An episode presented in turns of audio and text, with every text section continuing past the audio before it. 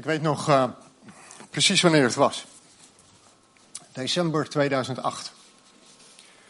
December 2008 was het moment dat uh, Patricia en ik 4,5 jaar dienden in de gemeente in Amstelveen. En vorige voorgangers die hadden min of meer het principe om na pak een beetje vier of vijf jaar weg te gaan. En wij waren daar 4,5 jaar en we keken elkaar aan. We zeiden, wat gaan we doen? Ze namen de tijd om stil te zijn, om na te denken, vooral om te bidden. En eerst onafhankelijk van elkaar en later samen keken elkaar aan en kwamen tot de conclusie: we blijven. We zijn nog niet klaar hier. Er is nog zoveel te doen. Er is nog zoveel nodig. Er ligt nog zoveel uitdaging. En in december maakten we die beslissing. Legden we dat ook zo bij God neer. En ik denk, nou, een maand, anderhalve maand daarna, half februari of zo, kwamen we midden in echt een enorm conflict terecht.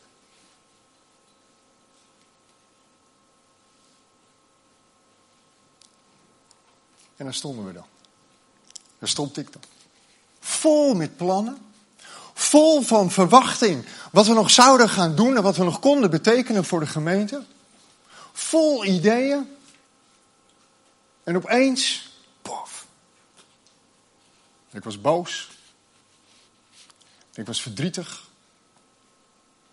En ik was teleurgesteld. Ik wist het niet.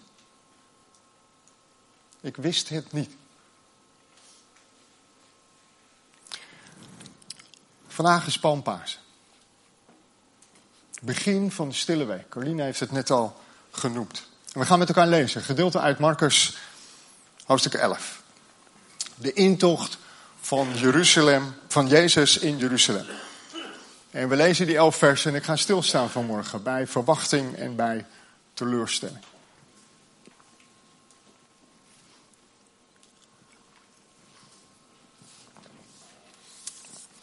Marcus 11, de versen 1 tot en met 11.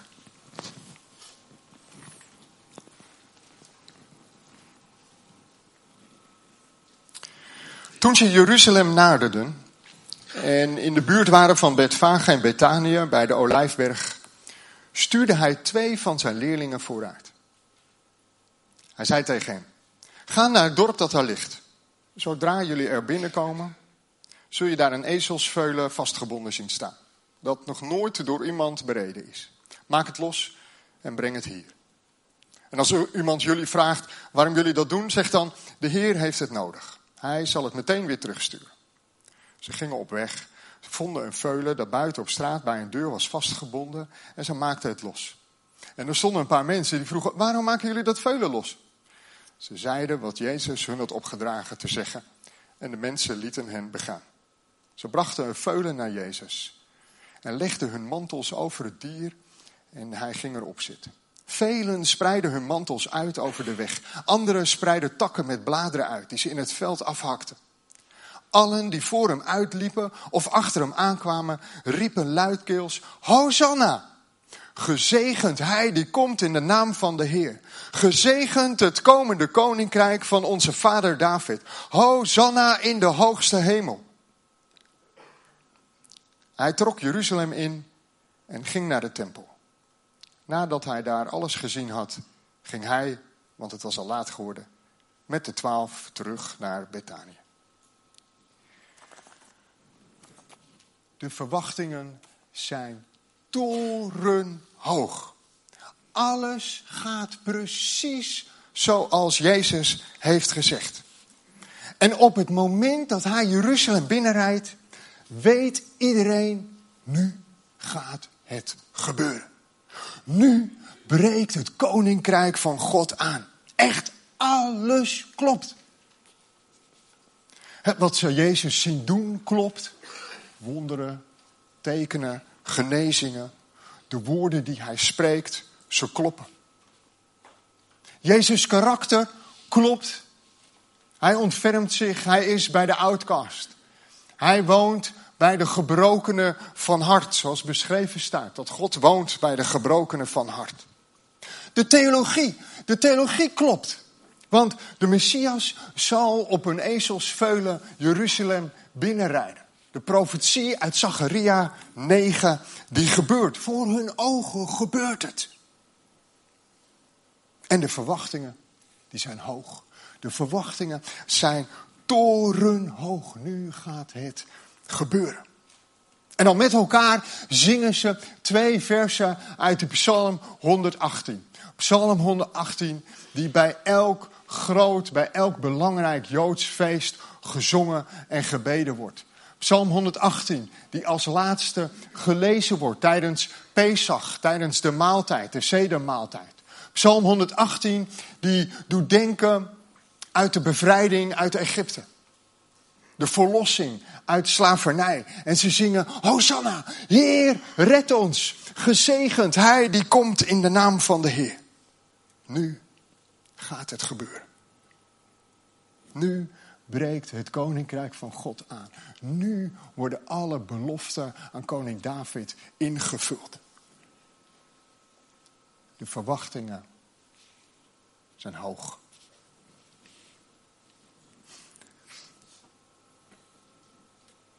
Hebben wij nog verwachtingen? Persoonlijk? Heb jij nog verwachtingen? Als gemeente? Gezamenlijk? Hebben wij als gemeente gezamenlijk nog verwachting? Durven we nog te hopen? Te verwachten? Te geloven? Zijn we nog gepassioneerd over God en over zijn gemeente en over het evangelie?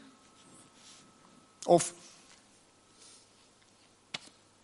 of zijn we in twee jaar coronatijd misschien veranderd in onverschillige bankhangers?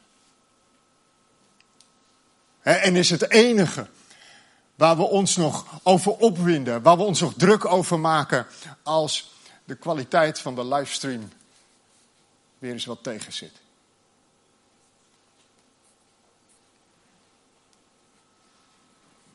Verwachting. Verwachting is iets moois. Verwachting heeft te maken met visie. Met dat plaatje van de toekomst waar je naartoe kan gaan. Met dat plaatje in de toekomst waardoor je hart sneller en sneller en sneller gaat kloppen. Verwachting is een soort van, een soort van vergezicht, een droom. Een droom waardoor je in beweging komt. Een vergezicht waardoor je niet meer nadenkt over tijd, over geld, over energie. Je geeft alles. Dat is verwachting. Je gaat ervoor. All in. En de leerlingen van Jezus, de leerlingen van Jezus, die trekken hun jassen en hun mantels uit. Die leggen ze over dat veulen neer als een soort van zadel. Ze helpen misschien wel Jezus erop en ze, en ze leggen hun jassen voor hem neer op de grond. En ze, ze, ze breken takken, ze snijden takken af uit het veld en ze, ze leggen ze op de straat. En kom maar, kom maar, de, de Messias die komt, er is verwachting. Hosanna, help ons, red ons. Gezegend hij die komt in de naam van de Heer.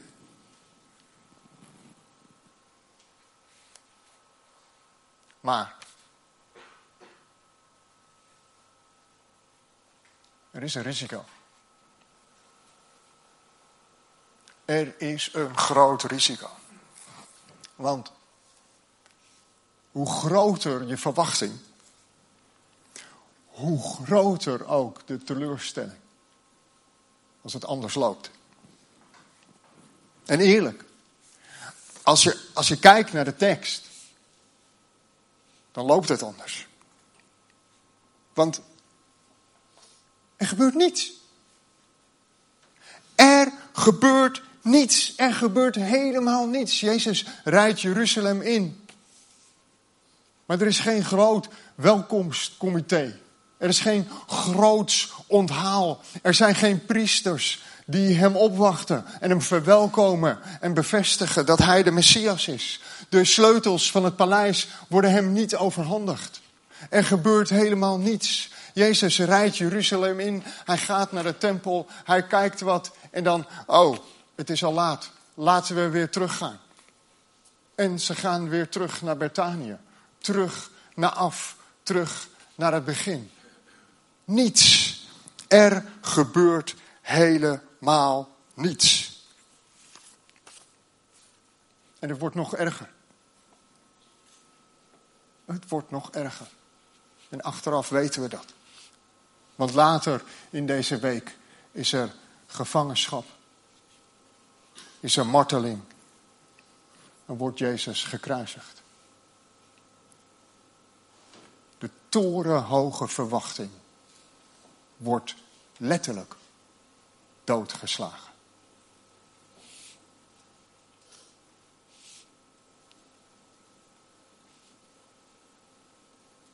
Moeten we misschien maar minder verwachten? Weet je, we krijgen allemaal te maken met teleurstelling. En de ene teleurstelling is groter, ingrijper, pijnlijker dan de ander. Maar betekent dat dat we dan maar minder moeten verwachten? In elke huwelijksdienst lees ik de trouwbelofte voor. En, en daar komt onder andere in voor de woorden: pijn en moeite zullen je niet bespaard blijven. En er is niemand, tenminste ik heb het nog niet meegemaakt. Er is niemand die daarna zegt: nee, ik hoef niet. Ik zeg geen ja, ik zeg nee, want ik wil die pijn en moeite niet. Er is niemand die zijn of haar huwelijk met een soort van zelfbescherming begint. Nee, natuurlijk niet. Je bent verliefd. Je gaat ervoor. Je maakt plannen samen. En met die plannen alle verwachtingen die daarbij horen. Ja, pijn en moeite zullen je niet bespaard blijven. Hé, weet je, dat zien we dan wel. Met elkaar, met jou. Jij met mij en ik met jou. Samen kunnen we de hele wereld aan. Dit is ons moment, dit is ons huwelijk. En we zeggen volmondig ja tegen de ander. We gaan ervoor, volledig, met alle verwachtingen. En ons geloofsleven en, en ons leven als samen kerk zijn, is dat niet net zo? In Openbaring 2 is de eerste van de zeven brieven die de Heer Jezus schrijft en die gaat aan de gemeente in Efeze. En die brieven bestaan uit allemaal tips en tops. Dat klinkt wat prettiger. Maar wat de Heer Jezus schrijft en zegt tegen de gemeente in Efeze is van, hey, weet je, ik heb tegen jullie dat jullie je eerste liefde verzaakt hebben.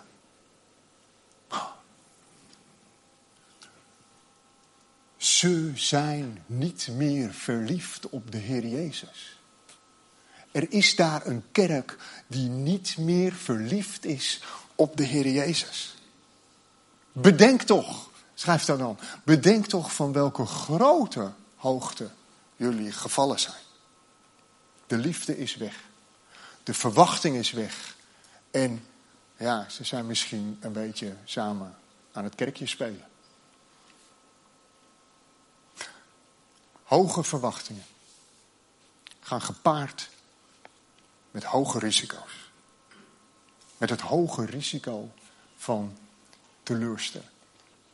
Nu zijn er, nu zijn er verschillende manieren om om te gaan met teleurstelling.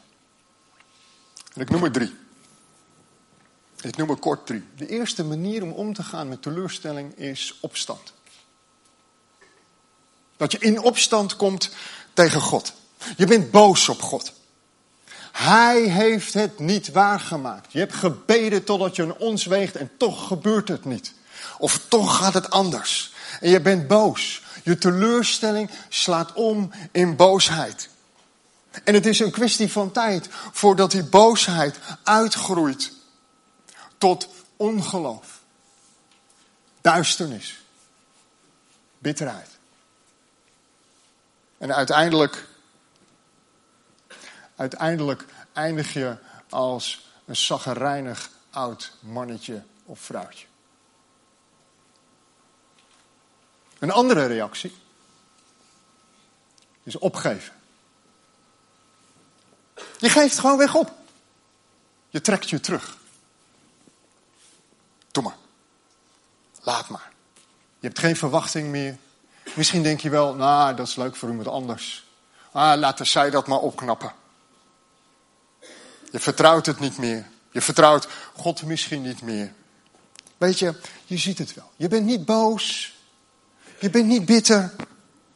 Maar, ja, je inspireert ook niet echt meer. Een derde manier, een derde reactie is overgave. Opstand, over onverschillig. Overgave. Je weet het niet. Je weet het niet. Je hebt geen antwoord. Maar toch kies je ervoor om God te blijven vertrouwen. En je geeft je over. Er komt geen antwoord, er komt geen uitleg, maar je geeft je over. Je geeft jezelf aan God. Overgave is het pijnlijkste. Overgave is het kwetsbaarste. Want bij overgave blijft je hart zacht. Die andere twee reacties maken je hart hard. En je houdt mensen en God op afstand. Bij overgave blijft je hart zacht en kan God heel dicht bijkomen. En dat is pijnlijk en dat is kwetsbaar. Met overgave zeg je, ik weet het niet. Maar hey, hier, hier ben ik. Hier ben ik. Met overgave leg je alles open en bloot voor God neer, zodat Hij kan genezen. Met overgave geef je alle brokstukken van de teleurstelling aan God. Om ze, om ze daar maar gewoon te laten. En om bij Hem te zijn. Om in Zijn aanwezigheid te zijn. Kapot. Gebroken. Teleurgesteld. En dat is spannend. En dat is spannend. Want het is open. Het is onzeker. Het is kwetsbaar. En tegelijkertijd nuchter, verstandelijk, rationeel gezegd. Wat heb je te verliezen? Ik bedoel, als je gelooft in de Heer Jezus, dan is alles toch al van Hem.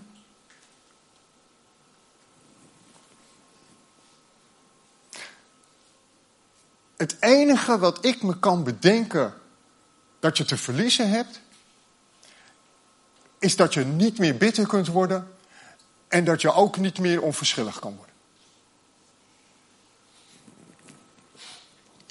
Terug naar dat begin. Ik was boos. Ik was teleurgesteld. En ik dacht, ah oh, nee, ik, we, hebben, ik, ah, we hebben net gezegd dat we langer, langer blijven. En het gevolg is een conflict. En het gevolg is um, uh, verschillende dingen die we over ons heen kregen. En ik dacht, Heer, hoe verder?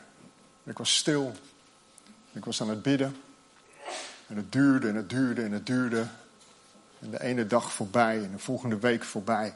En weer een week voorbij. Totdat op een gegeven moment ik aan het bidden was. In mijn Bijbel aan het lezen was. En God zo, zo heb ik dat ervaren. God me wees op een paar woorden uit Hebreeën. En ik, ik kreeg de tekst uit Hebreeën 12, vers 12. En daar staat, strekt de knikkende knieën. In een hele andere situatie, in een hele andere context. Maar op dat moment maakte dat mij niet zo heel veel uit. Ik had het idee dat God tegen mij zei, strekt de knikkende knieën. En dat hebben we gedaan. Uiteindelijk. En nog ruim tien jaar langer gebleven. Ik weet niet of iedereen daar blij mee was, overigens. Maar ik denk wel dat het Gods bedoel was. Weet je, Ik heb verwachting. Ik heb verwachting. Ik verwacht dat we een gemeente zullen zijn en zullen worden die bestaat uit onvolmaakte en gebroken mensen.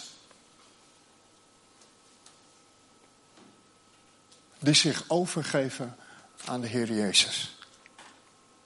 Ik verwacht dat we onze onverschilligheid en onze bitterheid zullen, zullen uitleveren aan Jezus. En dat we Hem vol verwachting gaan volgen en ons overgeven aan Hem alleen. Ik verwacht dat we mee zullen zingen en zullen bidden. Hosanna. Gezegend Hij die komt in de naam van de Heer.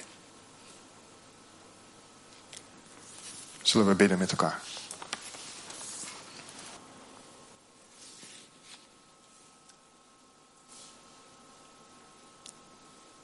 Vader God.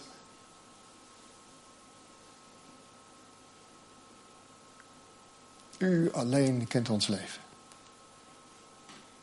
U alleen kent het diepste van ons hart, van ons wezen. Er is niets voor u verborgen. Heer, en ondanks dat ik dat af en toe best wel spannend vind, ben ik er blij mee. En dank ik u. Dank ik u voor uw trouw, voor uw wijsheid, voor uw inzicht. En vader, met elkaar als uw gemeente bidden we, Heer, help ons. Help ons om ons volledig over te geven aan u. Help ons om onze teleurstelling, onze kapotgeslagen verwachtingen aan u te geven. Help ons om onze boosheid en bitterheid en onverschilligheid bij u te laten. Heer, en het is, oh, ik heb het gezegd, het is zo pijnlijk. En het is zo kwetsbaar. Maar vader, niets is zo goed als dicht bij u te zijn en in uw aanwezigheid te zijn. En we bidden met elkaar en we bidden voor elkaar. Dat we de werking van uw Heilige Geest mogen ervaren, persoonlijk en in het midden van de gemeente. En dat we in plaats van gooien met onze eigen brokstukken, dat we elkaar zullen helpen om ze op te rapen, om ze te verzamelen en om samen achter u aan te gaan, Heer Jezus. Hosanna, red ons. Halleluja. We loven uw grote en machtige naam. Amen.